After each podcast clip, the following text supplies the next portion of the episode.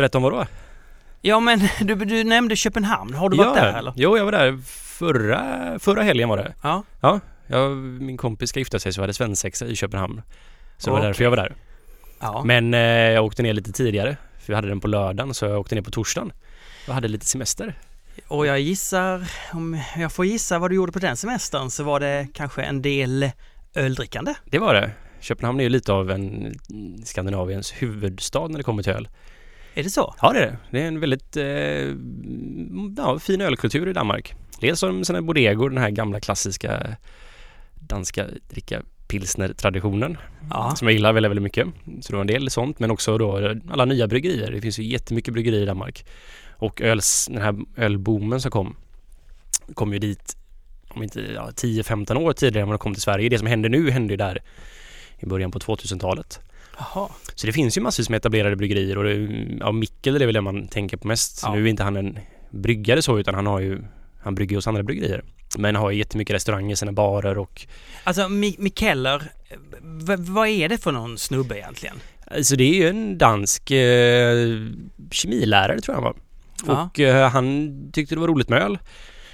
Eh, han och hans tvillingbror faktiskt hade ett öl, gemensamt ölintresse. Eh, hans tvillingbror håller också på med öl idag. Evil Twin Brewing heter det.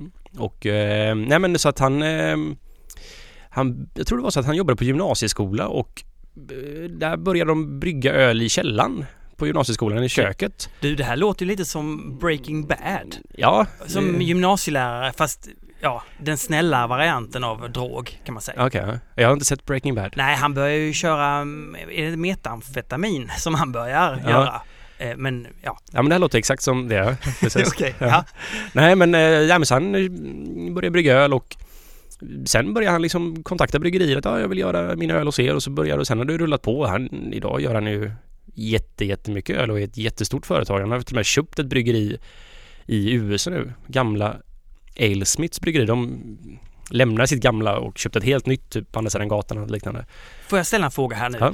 Är det Mikkeller som har gjort att den danska ölscenen är så bra? Eller är det en, har det kommit längre bakifrån? Var, varför är det Han så har bra? gjort väldigt, väldigt mycket för det och även svensk ölkultur faktiskt. Så sätt. Okej. Det var ju mycket som hände runt omkring. Det var ju inte bara Mikkeller som hände just då utan men han har varit kanske den mest drivande och han anordnade en festival nu som heter Copenhagen Beer Celebration. Jag tror det var femte eller fjärde året som var i maj nu då. Mm. Och det är liksom världens bästa bryggerier där och ställer ut sin öl. Och det är helt fantastiskt. Okej, men det, förlåt mig, Ja. jag blev bara så intresserad av Mikkeller. Men fortsätt berätta om di, din lördag där. Ja, ja, jag tänkte inte berätta om lördagen för det var ju svensexan och Ja. det behöver vi inte ta i det här programmet. Det är, ja. Den kan vi ta sen. Okej, fredagen. Fredag. Fredagen och torsdagen var... Då, ja, då gick jag runt och på olika ölbarer och drack öl. Och det var väldigt, väldigt trevligt och det är... Dels är det mycket billigare i Danmark. Ja. Ja. Men så är ju utbudet fantastiskt bra och eh, ja, du... Genom att bara gå runt till olika barer som har lite olika teman så får du dricka både liksom dansk öl och även amerikansk öl och belgisk öl och... Ja, det är faktiskt en väldigt, väldigt bra stad om man vill dricka bra öl helt enkelt. Men det bästa var det att jag, det finns en bar som ligger ganska nära Ströget som är en engelsk pub och den heter Charlies bar och det är liksom det, om jag är i Köpenhamn, vilket jag är ganska ofta, så det är det viktigaste för mig att jag faktiskt får sitta två, tre timmar på Charlies bar och dricka cask ale som vi pratade lite grann om i förra programmet. Just det, just det. Jag vet inte om det kom med? Jo då. Det var med? Ja. Det var med. Ja. Absolut, vi pratade om traditionellt. För du berättade nämligen om att det var en, en, en djupare upplevelse av öl eftersom den är mindre kolsyrad och den är lite, lite varmare, den är inte så iskall. Exakt. Eh, får mer smakämnen och sådär. Mm. Ja det är precis och det är ju den här, det är ett så här engelskt klassiskt sätt att servera öl. Och eh, det är väldigt få ställen som, vi har inget ställe i Göteborg som gör detta. Vi- Det finns i Stockholm finns det. Finns och, det det? Ja det finns det. Akkurat och Oliver Twist är certifierade cask-serverare eller vad man ska säga det. Okej. Och eh, så där kan man göra det men eh, i i Göteborg kan man inte göra det. Och jag tjatar på eh, alla krögare att de ska börja göra detta och de ja det kommer nästa år och så kommer det aldrig nästa år och så Ja, det är tråkigt. Men Charlies bar i fall och då kan man sitta där och dricka ganska många öl för den är ju faktiskt inte så stark. Den är ju på mellan 3 och 4,5 ungefär oftast. Ja. Och det är både mörköl och ljusöl och det kan vara humleöl och det kan vara maltöl och det är Ja, det är väldigt, väldigt fint och så är stället som en Alltså det är som en, om man skulle göra en engelsk pub som en karikatyr liksom. Det är liksom, det är för mycket nästan. Och så är det bara en lång, lång smal ja, lokal liksom som har ja, en liten utsida och sen så går den jättedjupt in då så är baren över hela sidan. Och så sitter alltid massa original och dricker öl. Det, det låter lite magiskt. Det är faktiskt ett magiskt ställe. Det är jätte, jättefint.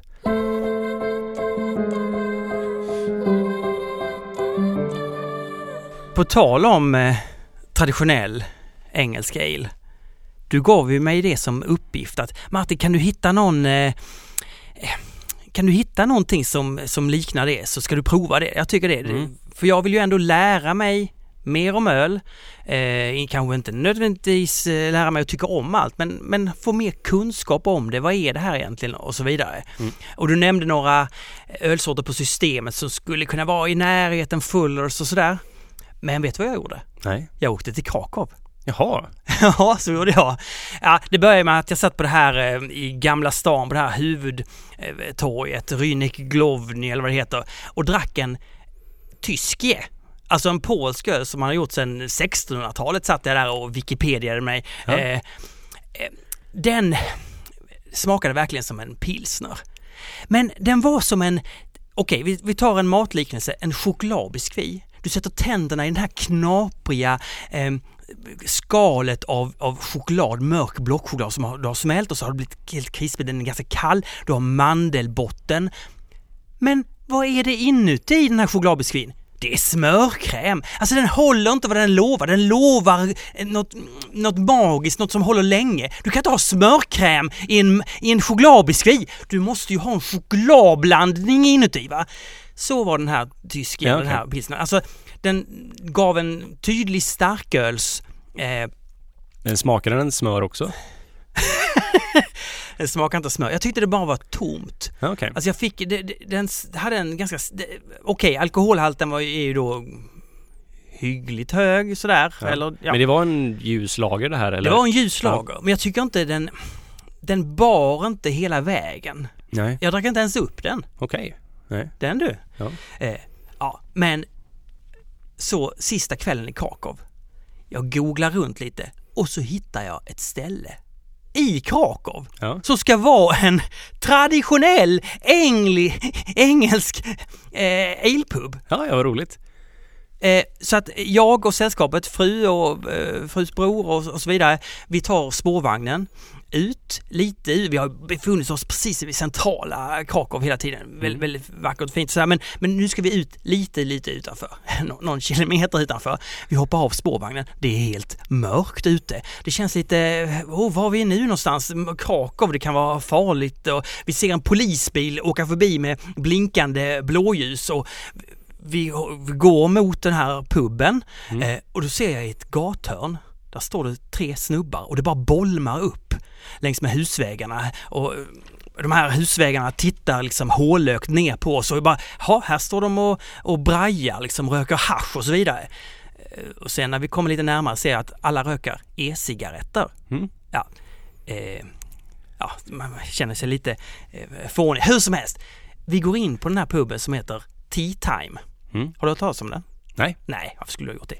Du, eh, jag går in där eh, och alla väggarna är tapetserade med traditional English ale och så vidare. Och jag, bara, jag går fram, liksom armbågar mig fram mellan de, de som är vid baren och lutar mig in över baren och bara Hello, eh, eh give me the most traditional English ale you have. The most traditional of them all, säger jag. Och folk tittar på mig lite grann och skrattar för, det, jag, jag, för jag, nu är jag här. Mm. Jag vill ha det mest, Ola har sagt, jag ska ha det mest traditionella som finns.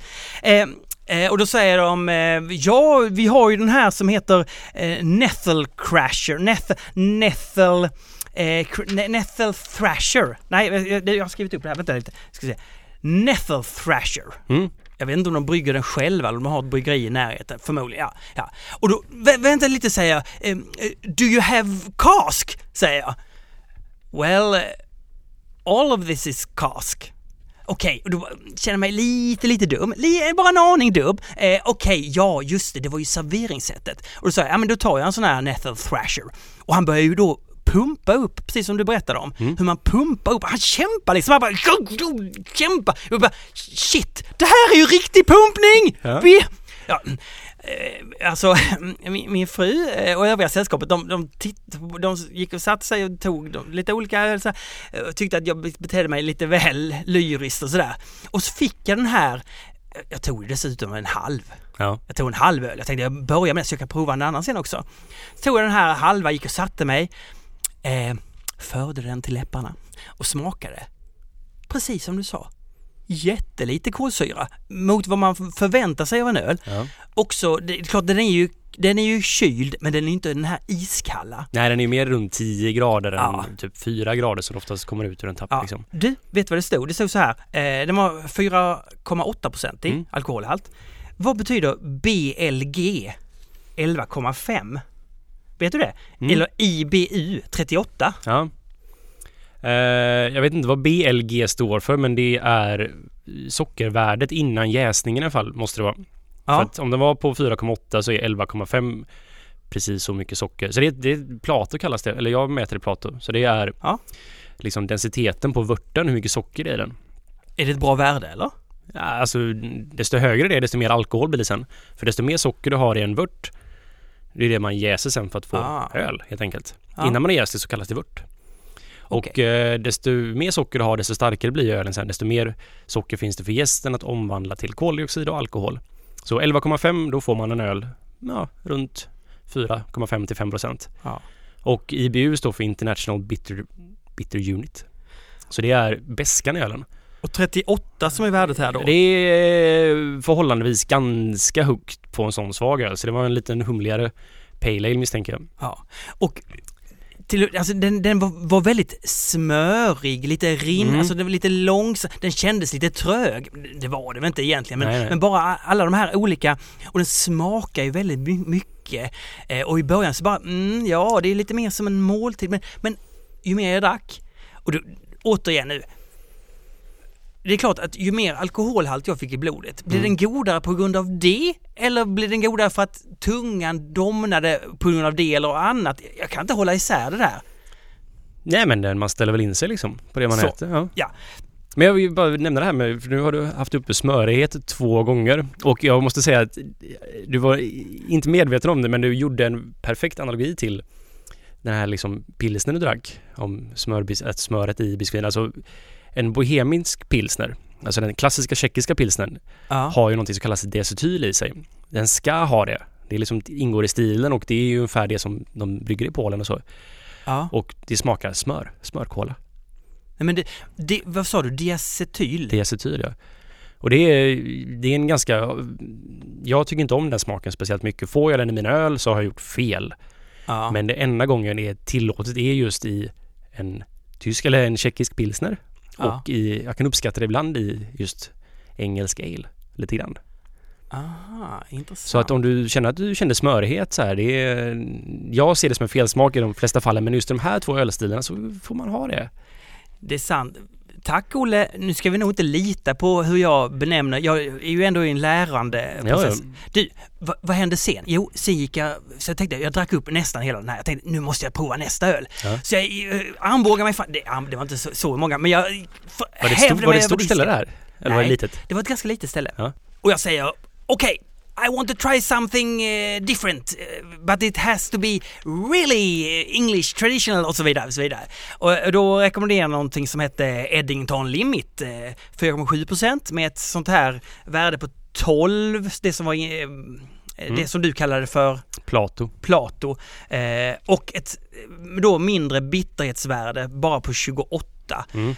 Den här ölen smakade mer. Mm. Den var, den var liksom... Eh, den första var kan man säga var ganska lättdrucken. Men den här var nästan, det var väldigt bra att ta dem i den här ordningen. Mm. När jag beställde den här ölen, Eddington, så sitter det två killar vid, som är britter såklart. De har precis kommit till Krakow och vi, vi åker ju naturligtvis direkt till den brittiska puben. Eh, och de sitter där med två stora pints och de tittar på mig bara Men varför, varför dricker du en sån liten? Hade du varit i England, du hade aldrig kunnat beställa någonting annat än en pint. En man dricker aldrig mindre än en pint. Då hade man kallat dig för, du är en liten flicka som håller på sådär. Mm. Eh, ja, det brydde inte jag mig om. Men, men eh, jag skrattade och så frågade jag honom istället om det här med, med kask i England, hur är det med det? Ja, det finns inte så mycket i London därför att det är så, eh, man, man tjänar så lite pengar på det. Man behöver ha en lite mindre pub där man kan ha det så utanför London i mindre städer och byar där pubarna är inte så väldigt stora. Där Mm. kan man ha kask. Eh, och där, där, därför de stora producenterna tjänar inga pengar på Nej, det är ett väldigt, väldigt bökigt Ja. ja, process innan detta som är så de skiter ju fullständigt i det här. Och de har ju haft en stor kampanj i England, eller så har det funnits en förening, eh, Kamra, som är ett campaign for real ale eller något liknande. För det här kallas ju cask och real ale. Och de har ju gjort ett jättejobb med att liksom se till att den här typen av servering har överlevt i England. Mm. Och de har sina så certifieringar, att man gör det på rätt sätt och sådär. Så men det är sant, det finns ju väldigt få ställen, det är ju bara nischade ställen, men på landsbygden lever det kvar. För att det är just väldigt bökigt det här hela sättet runt omkring och det kommer ju egentligen från början att man bryggerierna ägde ju i stort sett alltid barerna som det serverades på. Det fanns ju några ställen som var så kallade free houses då som var Mm. independent. Men de flesta pubbar i England ägdes ju av ett bryggeri. Så det här var ju ett sätt att för man tar ölen ganska tidigt i processen och lägger den innan den har klarnat, innan den har liksom fått stå till sig helt och hållet så lägger man den på ett just kask Ja. och låter den fortsätta jäsa där så den bildar lite kolsyra. Och sen skickar man iväg den till pubbarna där den får stå i typ två veckor och mogna till sig. Så det var ju ett sätt för bryggerierna att frigöra plats på bryggeriet. Okej. För att de ägde ju pubbarna så det var som deras lager då, så de skickade ut det. Så det var ju så här praktiskt. Och detta blev då en, liksom ett, ja, ett sätt att servera öl i slutändan. Och sen så behövs ju då väldigt kunnig personal som vet när de här kasken är färdiga. Och man, de har liksom små träpluggar i sig. Och man behöver liksom, för de jäser ju fortfarande i faten så att det finns ju Mm. risk att de exploderar. Så man kan byta träplugg på, som släpper ut mer eller mindre koldioxid. Så man behöver liksom preparera dem i förväg genom att slå ner dem med hammare träpluggar i kasken. Okej. Så man byter den här träpluppen. Och sen då när man, nu nu är den här färdig att serveras, då slår man ut den så att det kan faktiskt dras, dras in syre då i själva kasken. Och så handpumpar man upp, man drar upp det liksom en handpump. Istället för att man har ett övertryck med koldioxid som man alltid har då annars i vanliga fat som trycker upp ölen. Så drar man upp den med handpumpat så åker det in syre i fatet. Och det gör ju att ölen blir dålig väldigt snabbt för syre är väldigt dåligt för öl. Ja. Därav kan den här smörigheten komma rätt snabbt om man inte serverar den här kasken då på två, tre dagar. Du, alltså hela den här mikrobryggeritrenden Mm. har ju en ganska stor hipster-aura kring sig. Ja. Men jag måste säga att den här cask alen, det är ju nästa, så att säga, nivå. Ja, det är ju lite mer... eh, I England har det ju varit väldigt, väldigt gubbigt det här att dricka den här typen av öl. Det har sett som... Men allt sånt svänger ju på sig så att ja, det är, det är nästa nivå av ölhipsteri.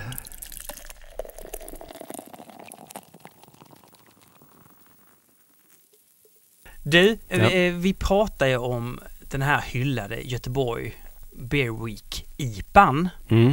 Eh, och vi snackade om att man kan inte ta en IPA så högt liksom. Man kan inte få den eh, höj, upplevelsehöjden kan inte bli så hög med en IPA. Men nu på den här Rate Beer så verkar det ha hänt en, grej, en del grejer.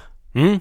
Det är ju, sen vi spelade in förra avsnittet så har vi faktiskt vi pratade om det då att ja, vi gjorde den här ölen igen då. Den var ju bara tänkt att vara en engångsöl. Ja. Men den blev så populär så nu har vi släppt den på Systembolaget. 15 000 flaskor och ja, runt om på krogar här i Göteborg igen.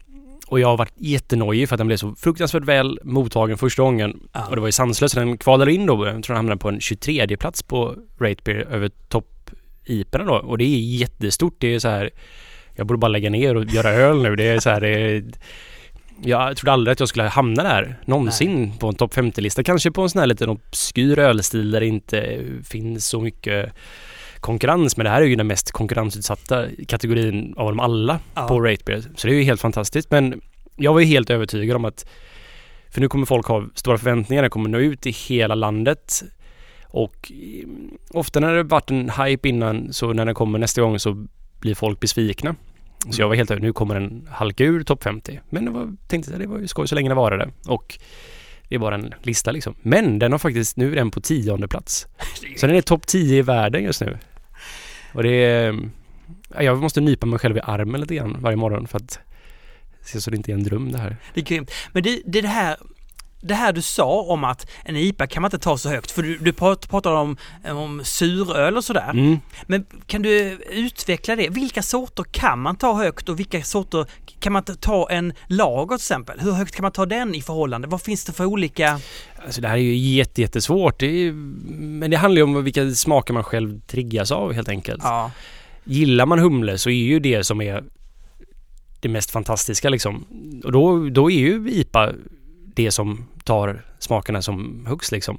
Sen så pilsner det är den kan ju komma på ett visst sätt men det är en, det är en ölstil som man ska vara så ren och snygg som möjligt på något sätt. Mm. Det ska vara lagom av allting, det ska vara välbalanserat. IPA kan man ju dra iväg. Det är ju meningen att den i stort sett den finns för att den ska vara obalanserad mm. med humle och beska och sådär.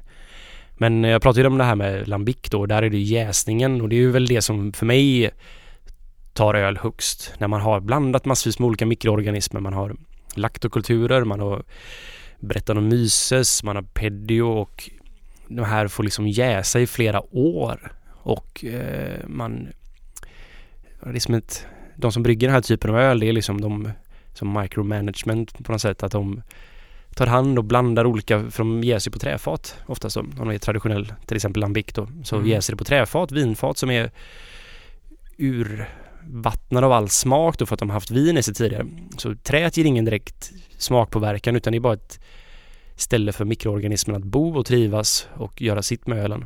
Mm. Och eh, det de gör är att de blandar ju detta sen och då är det så här Ja men det här fatet blev så, om jag tar det fatet tillsammans med det här och så blir det den här smaken och då balansera syra med det här och så.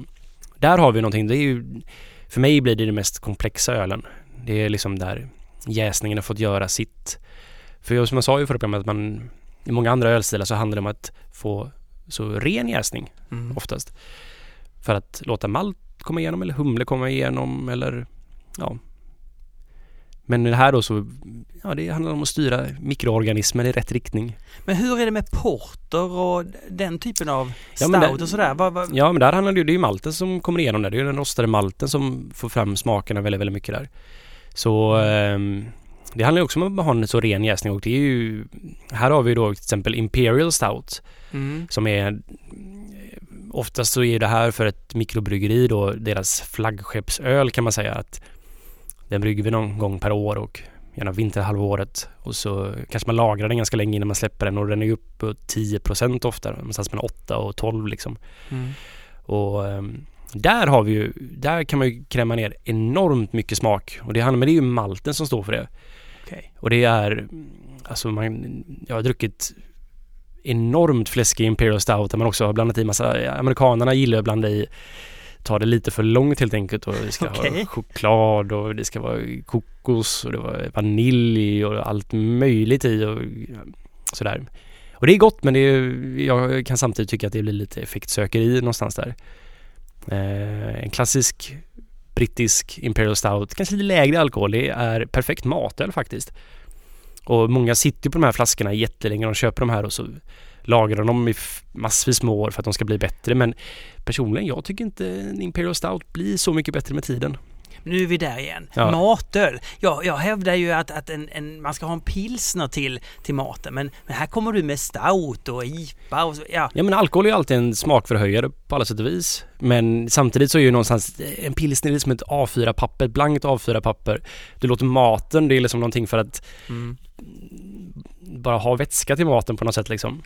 Du... Det är bättre än vatten men det finns ju många grejer som kan faktiskt gifta sig tillsammans. Pilsner kanske inte gifter sig tillsammans med ingredienserna och lyfter fram något till en 1 plus 1 blir 3 liksom. Mm. På tal om eh, IPA och eh, på tal om eh, lager till tacos mm. så var jag så var jag hembjuden eh, till Ola och Lena på tacos. Alltså det var, det var inte downshifting utan det var en fantastisk guacamole med, med det var så mycket smaker i den och så, och så vidare. Mm. Återigen en, en väldigt, väldigt fin eh, måltid. Ja. Mycket Äter du något annat än tacos? Nej. Nej. Jo, hur som helst. Då drack jag IPA till den. Mm. Jag tänkte, du sa ju till mig, IPA är inte alls så dumt till lite stark mat. Då provade jag Göteborg eh, nya bryggeris eh, Göteborgs Go-IPA. Mm. Alltså vad är det med bryggerier och etiketter och loggor? Mm. Alltså det här, är- jag, jag tyckte det var det mest fruktansvärda jag sett alltså. Ja, de är faktiskt inte vackra. Jag håller med Eh, dig. Det, ja, det finns många ölsorter som, som har... eh, vet, Mikaela tycker jag är ganska duktig på det där och, Mm. och det finns många som är bra. Men det är också väldigt många som är... Det är precis som att jag brygger ölen, då ska jag också göra etiketten. Mm. Det är ju en väldigt stor do it yourself attityd kring öl i allmänhet. Så man vill ju kontrollera alla aspekter. Sen så tror jag det ofta är så här att många ölen är det som är i fokus. Det är liksom det de bryr sig om. Och sen så att ta fram etiketter är någonting man måste bara göra så att ja men jag sätter ihop någonting lite snabbt och så ja men det här funkar ju. Allting som ska stå står. Och så ja men den ser inte förskräcklig ut. Ja, det är fruktansvärt. Ja, Men det, i alla fall så drack jag den här eh, Go-IPan, bara na- namnet. Okej, vi, vi är i Göteborg. Men jag drack den här till tacosen och jag tyckte, ja men det, oh, det är olagligt rätt. Det här är inte så himla dumt. Men ju mer jag drack av den, desto sötare smakade den. Jag tänkte på dina ord att eh, alkohol smakar sött. Mm. Och jag, för, mig, för mig blev det för mycket till slut. Det var inte så att jag kastade flaskan i väggen. Det är för mycket! Och så kastade utan det var bara jag, nej. Jag, nej. Eh, det, alltså jag, jag funderar ju verkligen på, är det, jag kanske verkligen inte gillar söt öl? Det är mycket möjligt. alkoholstark öl liksom. Ja. Det tror jag är mycket möjligt faktiskt. Och, men en IPA som har, nu tycker jag att den här IPAn var ju ganska balanserad och ganska, inte så, den var ganska enkel, för mig var den ganska enkel. Mm. Men när jag dricker en IPA som är, tar mig lite längre, Mm. då kanske sötman försvinner i alla smaker. Funderar jag på. Att, att en, Ehm, alltså det är därför jag inte tycker om en, en starköl. är rätt sällan jag tycker om. Den är stark i alkoholhalten men, men sötman blir för stark helt enkelt. Mm. Det finns inte så många andra smaker som, som döljer sötman. Precis, och det är ju, men det är, det är det svåra med öl. Alltså när man gör öl så har man ju det är ju tre av våra smakämnen man arbetar med. Det är framförallt beskan och sötman då. Mm. Man ska hitta balans med. Men sen även syran. Det är en viktig faktor. Öl är surt. Öl, en färdig öl ligger på 4,2, 4,4 någonstans där. Helst under 4,4 för då blir den stabilare. För det finns inga bakterier som överlever. Du, Som är skadliga. för jag, vad, vad, vad är det för enhet? Ja, PO, PO.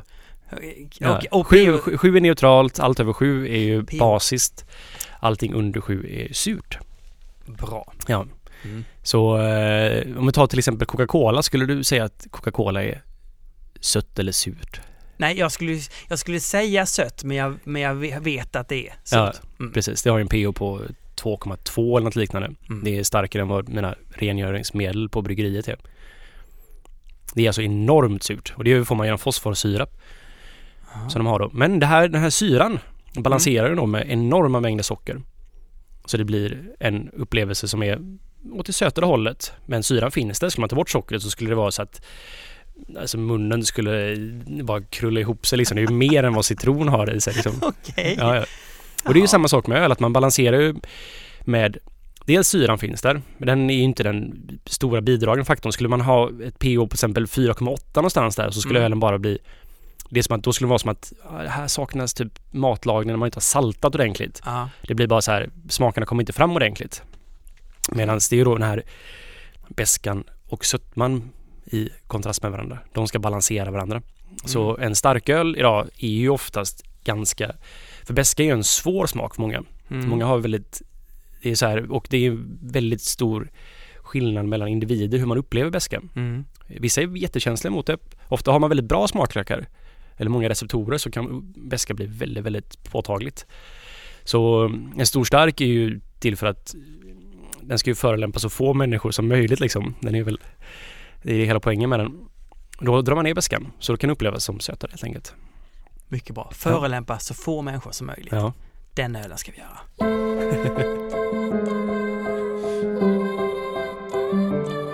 Alltså vad var det här? Du, du hade någon polare som har skrivit någonting? Ja, jag såg en, eh, det var en kompis, en eh, ölnördskompis kan man väl säga. Det är Fredrik Berggren, han, eh, han som driver Gbg Beer Week. Ja. Han, han hade faktiskt för länge sedan när det fanns bra ölbloggar i Sverige. De finns inte så många, de är mer någon form av nyhetssvep idag bloggarna. Okej. Men eh, för länge sedan så fanns det ganska många goda ölbloggar som tyckte till om öl och den absolut bästa vad hette Double Bastard Beer blogg.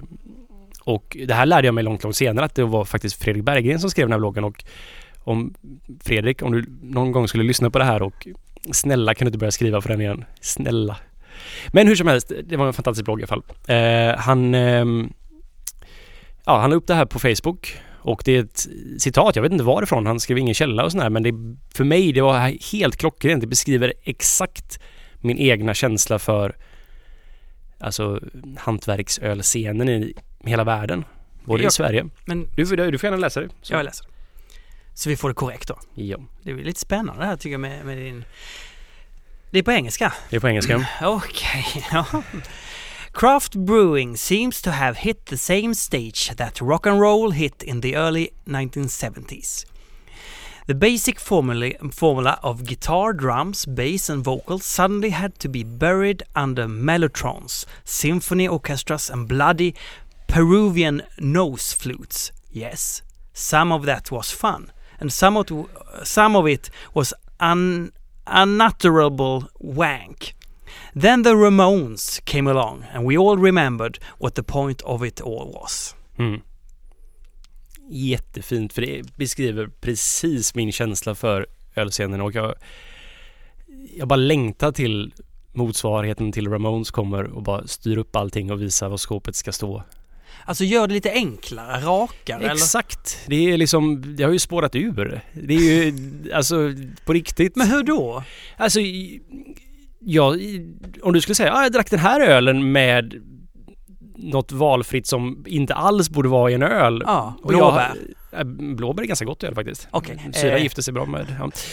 Men eh, alltså hästskit, jag vet inte. Ja, Någonting, hästskit. ja, jag Mm. inte blivit förvånad. Det var inte så att jag hade sagt nej, skojar du med mig? Det är ju helt bisarrt. Utan det var så här, ja ah, okej, hur var det? Hade jag frågat. Och vad gjorde du med hästskiten innan du la ner, tog Ja. den i efterhum? Ja. Precis, det är liksom på den nivån är det. Mm. Det är ingenting som förvånar mig längre. Det är på riktigt Men du pratar om att det är lite effektsökeri. väldigt, väldigt mycket effektsökeri och den ena bryggeriet ska bräda det andra i konstig öl och sådär. Men jag ser någonstans här ljuset i tunneln för det har ju varit så här några år och det har Mm. bara blivit värre och värre och värre. Men jag tror vi är någonstans på brytpunkten så det kommer komma motsvarande Ramones snart och bara liksom rätta till allting. Så det, men du menar, så det handlar inte om nyfikenhet? Vi vill prova den här hästskiten, det kanske kan bli något? Ja, Eller? alltså det är ju jätteviktigt att prova nya grejer och Ja. eh, besöka gamla ölstilar som kanske dött ut av Ja. Ibland rätt anledningar, ibland fel anledningar. Men att man liksom ja, ser historik och man provar nya saker och provar nya ingredienser. Det är jätte, jätteviktigt men jag kan idag känna att man gör det av lite fel anledningar. Mm. Och det Ja, många gör det också bara för att de vet att det här säljer. Och även om det här kanske inte, man vet att det här kommer inte vara så jättegott men vi måste ändå göra det för att alla andra gör det nu. Och det blir någon form av så här masspsykos bland bryggare kan jag tycka. Mm, vi måste ha ännu fler av den här Ja, så här, varianten. vi har ju alla de här ölen men vi måste också göra den med konstiga frukter. Du, jag blev lite nyfiken nu här. Ja. Eh, vissa ölsorter har dött ut med rätta. Mm. Kan, du, kan, du nämna, alltså, kan du berätta om någon sån? Eller? Eh, ja, det kan vi. Det finns en polsk ölstil som Ja. eh, dog ut för, det finns kanske något så här kvarvarande, men kan, ja, det är typ som höll på fram till 70-talet och liknande. Ja. Men det är Gretzer. Aha. Jag kan inte så där jättemycket om den ölstilen. Det jag vet är att det är en veteöl Ja. och att man använder rökt malt. Alltså malt som, precis som man gör med whisky då, att man har rökt den i tjära innan man kilnar eller torkar malten Ja. under öppna eldar. För när man har mältat någonting så har man ju lagt det blöt. Sen så måste man torka det och då kan man göra det liksom i stora trummor som är som en torktumlare ungefär. Eller så kan man göra det liksom på ett väldigt traditionellt sätt att man har öppna eldar. Mm. Där man i Tyskland använder man bokved i Bambergregionen.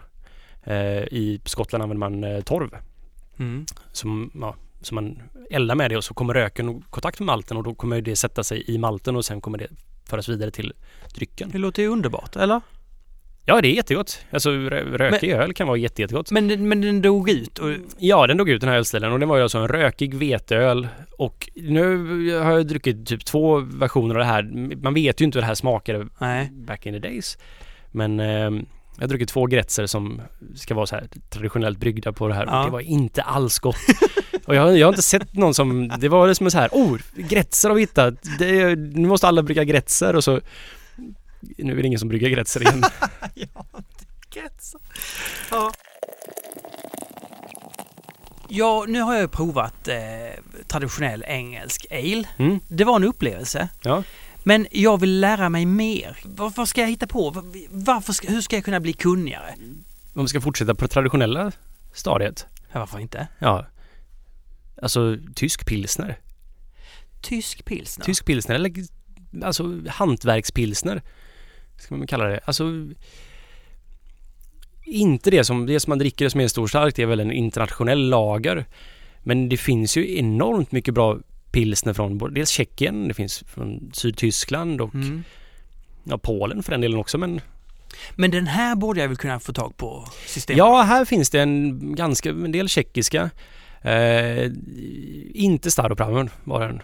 Inte Staropramen. Inte Star Nej. Nej. Och hur, är det på, på pubbar och restauranger och sådär? Ja men det, är, det börjar bli bättre faktiskt. Det är som att den får en lite och det är det jag menar här liksom att det, jag ser ljuset i tunneln. Jag, det är liksom OO, mitt företag, vi gjorde en klassisk pilsner Ja. som vi kallar för äkta pils.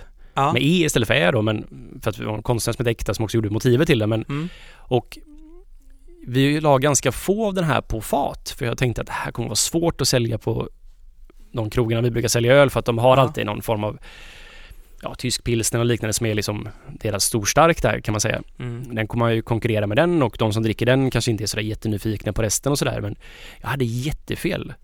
Jaha. Det sålde hur bra som helst och det var ju, det var ju, jag blev så glad över detta för att eh, Ja, Blue Rover som är mitt stammisställe, de köpte sex fat och detta tog slut på lite mer än en vecka liksom.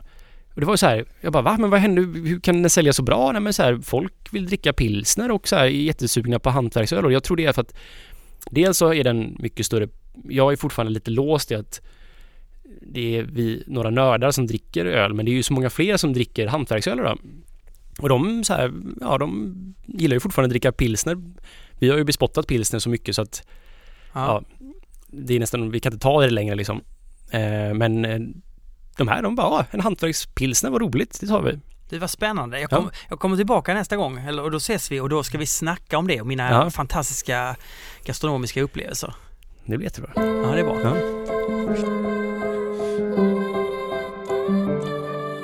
Du, vi nämnde, du nämnde Bottle Shop i Stockholm. Mm. Den har ju öppnat nu. Den har det? ligger, Ja, den ligger på Kocksgatan 19. Okej. Så några bilder därifrån. Ja. Ja, de har öl som är då låg Ja, alkohol. för jag läste, jag tror det är två, jag har blandat ihop det med, jag trodde det var samma, men det är två bottle shops som öppnats. Jaha, Ja. då så. Ja. Ja, eh, Men för mig är de fortfarande, jag vet inte vilken som är vilken riktigt, men det finns två stycken butiker man kan köpa 3-5 nu i Stockholm. Ja, men jag tycker det, fin- det finns ju vissa butiker, eh, vanliga livsmedelsbutiker här i Göteborg, det nämnde jag också förra gången, Mm. som har väldigt mycket, kanske lika mycket som en sån här bottle shop. Ja, ja precis, precis. Ja, och det kommer ju bli jättemycket mer populärare Ja. än vad det är idag. Det kommer bli en stor grej det här tror jag. Det jag gillar, det här ska vi prata mer om, det Ja. gillar jag verkligen. Vi kan ju följa upp, ja, vi kan köra en, eh, dricker vi bra folköl så kan vi ta upp det. Ja. Eh, vi kan nämna vår eh, Instagram. Det kan vi. Varför ska jag göra det? Jag vet inte. Vi har en Instagram. Vi har inte så mycket på den, men Nej, nej. det kommer mer. Ja, lagom mycket mer. Ölpölen helt Ja. enkelt. Men det är ju jättebra för jag, i min egen Instagram, jag vill inte använda den för mycket, bara lägga upp bilder på öl jag dricker. Men nej, har en kanal för det. Det Det har du perfekt. verkligen. Ja. Ja. ja. Ehm, och vad ska vi inte glömma? Jo, man, eh, det här är inte, de har inte sponsrat oss på något sätt men jag väljer att sponsra dem. Jag tycker man ska gå med i Svenska Ölfrämjandet. Det är en eh, förening som, ja, de, det är precis vad det låter som. De främjar öl i Sverige. Och vem kan göra det? Måste man brygga öl för att göra det? Nej, nej, det här är för alla liksom. Det här är en, bara en förening för vem som helst. Det kostar 300 kronor för ett år och då får man deras, idag väldigt, väldigt bra tidning Maltesen också. Och vad är deras politiska agenda? Eh, värna om öl. hantverket och hur det presenteras och gentemot andra drycker och sprida kunskap om det och det här är en förening som funnits jättelänge och eh, den hade väl en rätt mossig, eh, för att uttrycka det milt faktiskt, attityd för ett tag sedan men de har skärpt sig och idag är en jättetrevlig förening. Och eh, jag vill bara nämna så att man går till svenskaolfrämjandet.se så finns det en knapp där, bli medlem. 300 kronor är ingenting för man får en jättebra tidning med. Nej. Tack för idag Olle. Tack själv Martin.